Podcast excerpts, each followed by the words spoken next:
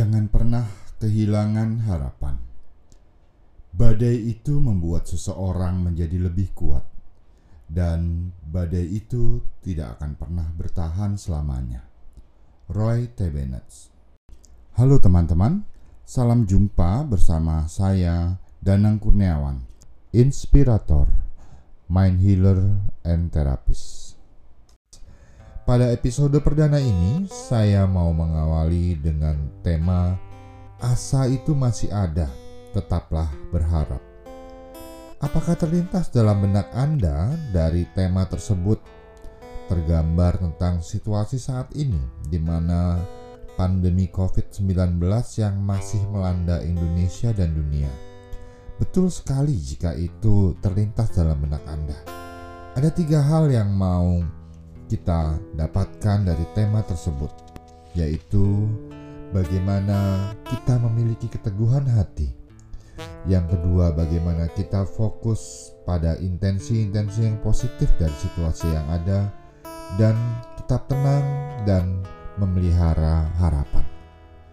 Dari situasi yang ada saat ini, kita tahu bahwa sebagian besar dari kita bertahan hidup di rumah masing-masing atau ada macam-macam istilah work from home, learning from home, stay at home. Ini adalah situasi di mana kita powerless. Kita bisa berbuat sesuatu tapi tidak bisa kita tidak bisa melakukan apa-apa. Nah, hal yang paling terasa dalam situasi ini adalah dampak-dampak yang terutama dari sisi ekonomi dan mental ada cukup banyak orang yang kehilangan pekerjaan, dan ada juga sebagian yang mengalami penurunan omset sangat drastis. Hal yang juga sangat penting adalah hal yang terkait dengan mental. Para penderita, para tenaga medis, relawan, mereka bisa saja mengalami problem mental yang Menurut saya tidak mudah. Menurut saya adalah situasi di mana mungkin mereka kehilangan harapan. Mungkin mereka sampai pada titik lelah. Mungkin mereka sampai pada batas kemampuannya dan bisa saja mereka hampir menyerah. Nah, saya jadi berpikir tentang adakah situasi di mana ada persoalan-persoalan yang berat. Adakah orang-orang yang pernah mengatasi persoalan-persoalan yang melanda dirinya? Lantas saya jadi teringat tentang seorang tokoh yang bernama Louis Samperini. Louis Samperini uh, kisah hidupnya difilmkan judulnya Unbroken saya pikir dalam situasi sekarang ini film Unbroken sangatlah relevan. Bagaimana kita menjadi orang yang tegar, bagaimana kita menjadi orang yang unbroken. Unbroken itu artinya tidak bisa dihancurkan, tidak mudah hancur. Oke, saya cerita sedikit tentang Louis Samperini. Di film Unbroken, Louis Samperini um, dikisahkan sebagai seorang anak yang nakal, anak yang sering bikin onar. Sampai suatu kali dia dikejar oleh gurunya dan dia berlari. Ternyata larinya lebih kencang dari pelari-pelari yang sedang latihan atletik di sana. Dan sang pelatih melihat lalu menangkap potensi besar dari si Louis Samperini tidak hanya pelatihnya, ternyata kakaknya juga si Pete Samper ini dia adalah orang yang punya jasa besar. Dia melihat potensi itu dan dia menggembleng si Louis sampai akhirnya Louis itu jadi pelari paling cepat di sekolahnya. Lalu dikirim ke kejuaraan di tingkat wilayah sampai akhirnya Louis menjadi atlet olimpiade yang berlaga di olimpiade di Jerman pada waktu itu tidak lama berselang setelah um, Olimpiade, lalu Perang Dunia Kedua, dan Louis terpaksa ikut wajib militer. Dia dalam tugasnya dia menjadi seorang penembak. Namun kapal yang dia tumpangi ternyata kena tembak dan jatuh di tengah lautan. Louis dan beberapa orang mencoba bertahan hidup. Dan sampai akhirnya mereka hanya tinggal bertiga saja. Bertiga terombang-ambing di laut.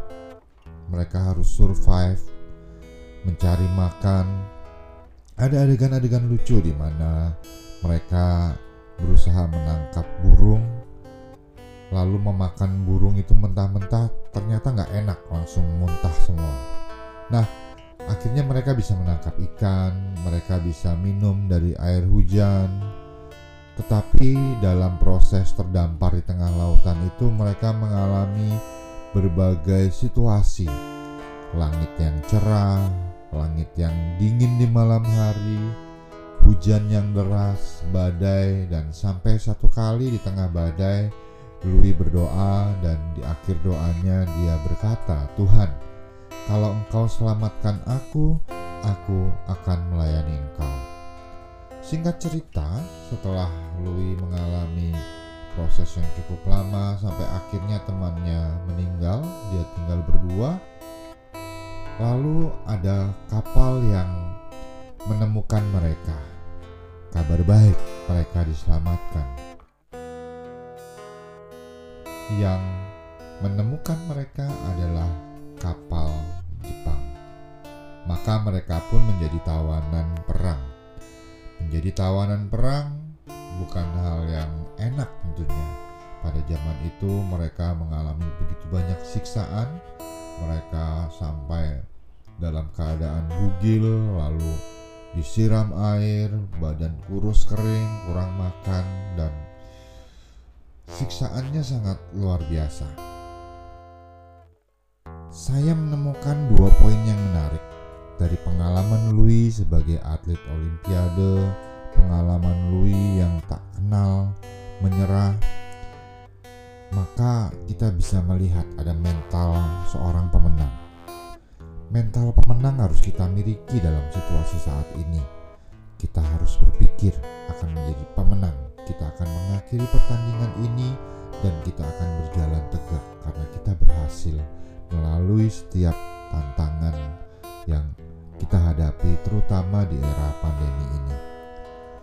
Hal yang kedua yang bisa kita lihat bagaimana um, Louis adalah orang yang taat dan setia.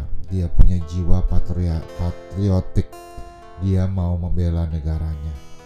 Dalam situasi sekarang, kita bisa melihat bahwa begitu banyak hal rela kita lakukan demi kemanusiaan. Begitu banyak hal rela kita lakukan, kita rela menjadi pahlawan bagi diri kita sendiri, bagi lingkungan sekitar kita untuk bisa berjuang bersama-sama menghentikan wabah pandemi COVID-19 ini sedikit dari pengalaman ketika mereka terdampar, ketika Louis terdampar.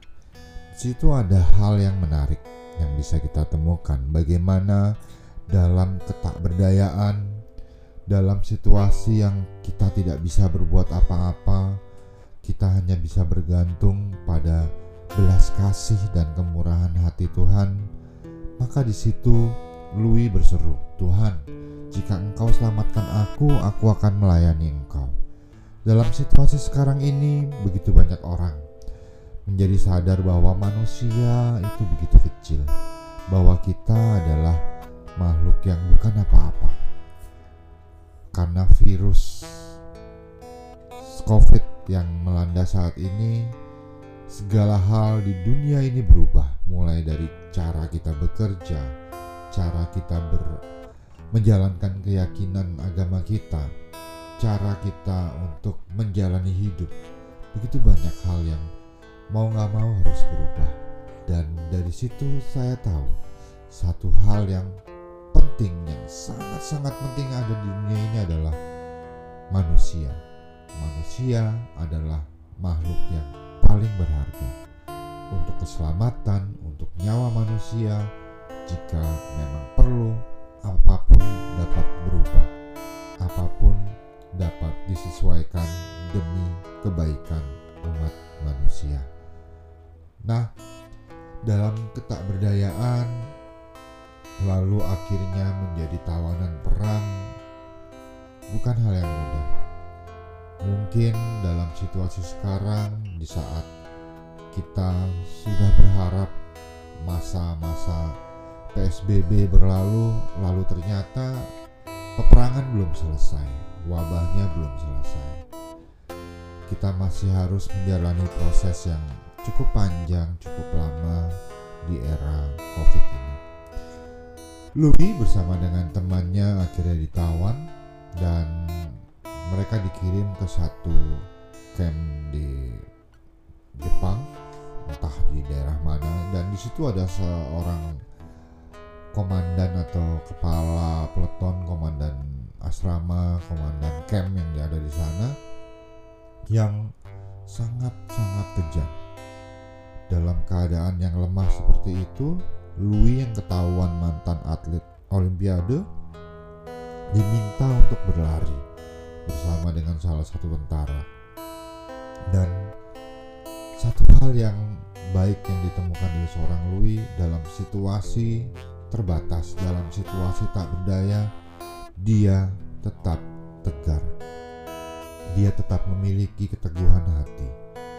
Dia berani menatap wajah sang komandan dan tak henti-hentinya menghadapi pukulan dari sang komandan karena dianggap lancang menatap wajahnya. Tapi Louis tak gentar. Sikap keteguhan hati ini perlu kita miliki dalam situasi sekarang. Walaupun badai datang bertubi-tubi, walaupun situasi membuat kita tidak leluasa bergerak, membuat kita menjadi uh, terbatas dalam mencari uang, terbatas dalam melakukan sesuatu, bukan berarti kita berhenti. Kita harus tetap berjuang, kita harus memiliki keteguhan hati, dan percaya pada hal-hal baik yang ada dalam pikiran kita. Suatu kali, Louis ditawari untuk siaran di stasiun radio di Jepang jadi ini adalah kesempatan bagi Louis untuk memberi kabar pada keluarganya di Amerika untuk mengatakan, mengabarkan bahwa dia masih hidup. Tentu dengan senang hati Louis pergi ke stasiun radio dan uh, dia siaran, dia bisa menyapa keluarganya walaupun satu arah. Selesai siaran, sang pihak pemerintah Jepang mengajak dia bicara dan menawarkan sebuah skrip. Kalau dia mau membaca skrip itu, siaran lagi, maka dia akan menjalani hidup yang nyaman. Sebagai tawanan yang nyaman, bisa makan enak. Dan tentu kita tahu, Louis menolak itu. Dia tidak mau melakukan itu. Dia memilih kembali ke camp tawanan. Apa yang terjadi ketika dia menolak itu?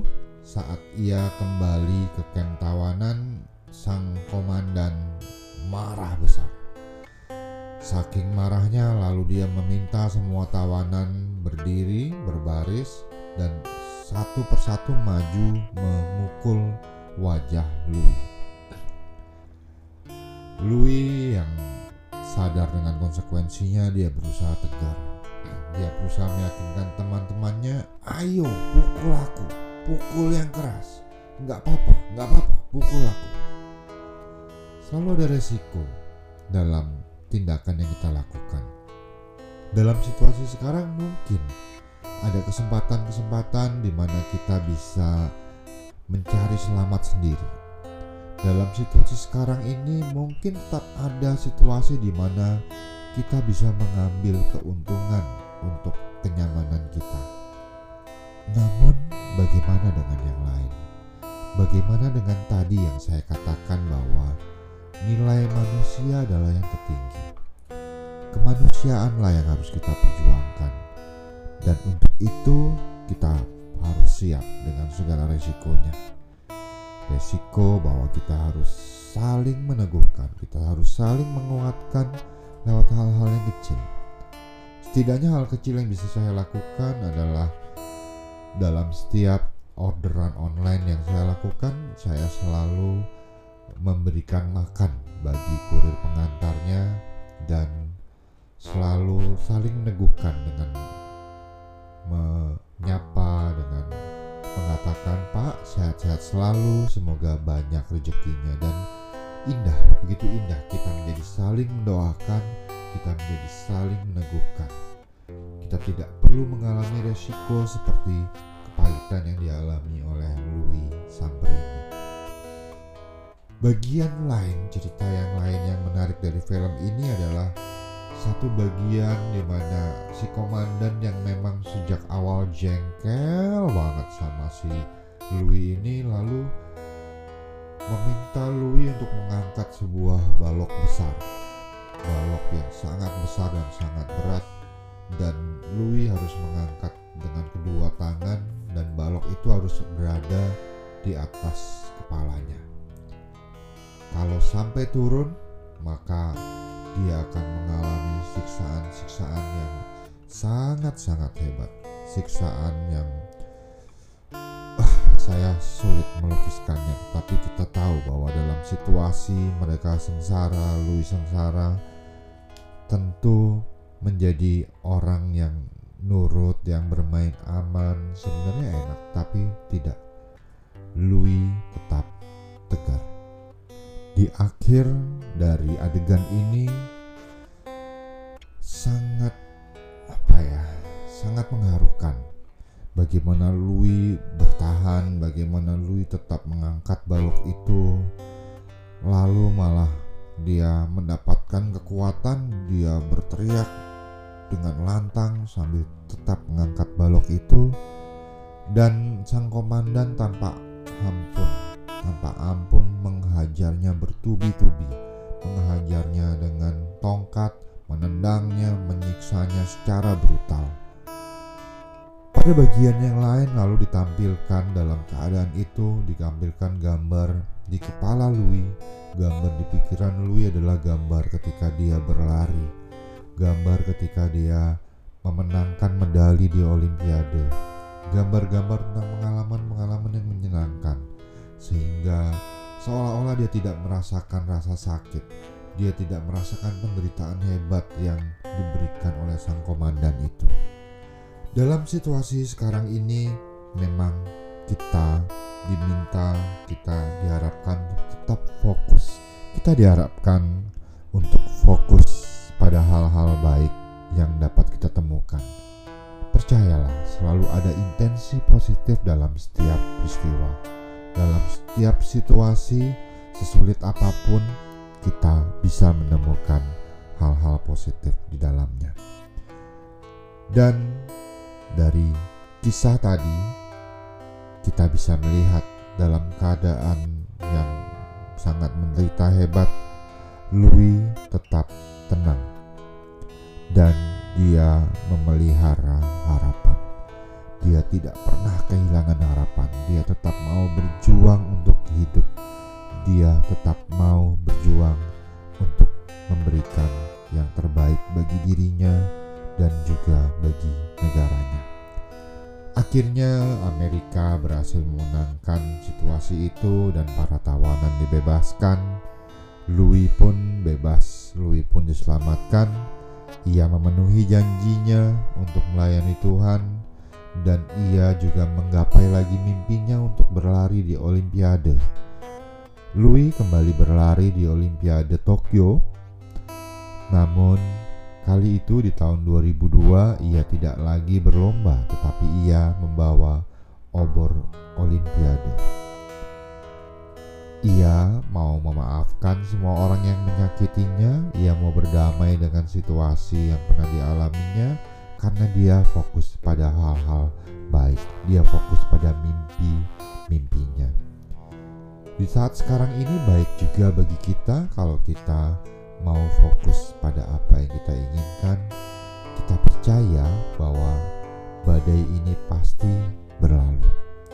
Kita percaya bahwa dengan keteguhan hati, dengan fokus pada intensi yang positif, dengan tetap tenang dan memelihara harapan, maka kita bisa memiliki sikap yang positif menanggapi situasi ini. Seperti halnya Louis yang tetap tegar ketika disiksa karena di kepalanya adalah yang ada hanya gambar-gambar yang positif, gambar-gambar yang baik. Teman-teman sekalian, itulah tadi sekilas tentang bagaimana kita bisa tetap memelihara asa, selalu ada harapan. Berpeganglah pada harapan-harapan dan percaya bahwa Tuhan yang Maha Baik itu tidak akan meninggalkan kita. Dia tidak akan memberikan cobaan yang tidak bisa kita lalui, karena Dia menciptakan kita sebagai manusia, makhluk yang paling sempurna. Sebelum saya mengakhiri kisah ini, cerita tentang Louis Samper ini, izinkan saya menyampaikan beberapa kalimat menarik yang saya temukan dari film ini.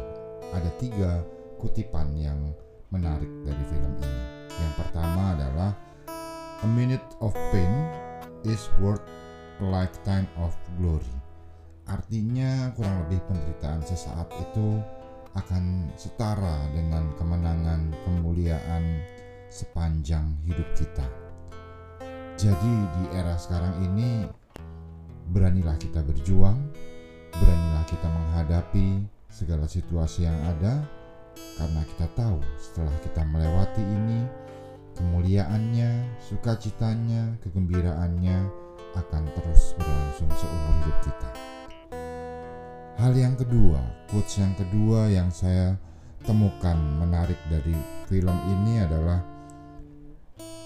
kata-kata dari Louis. Oh, kalau yang tadi itu kata-kata dari kakaknya Louis, Pete Samperini. Yang kedua, where there's still life, there's still hope. Artinya kurang lebih di mana masih ada kehidupan, di situ masih ada harapan.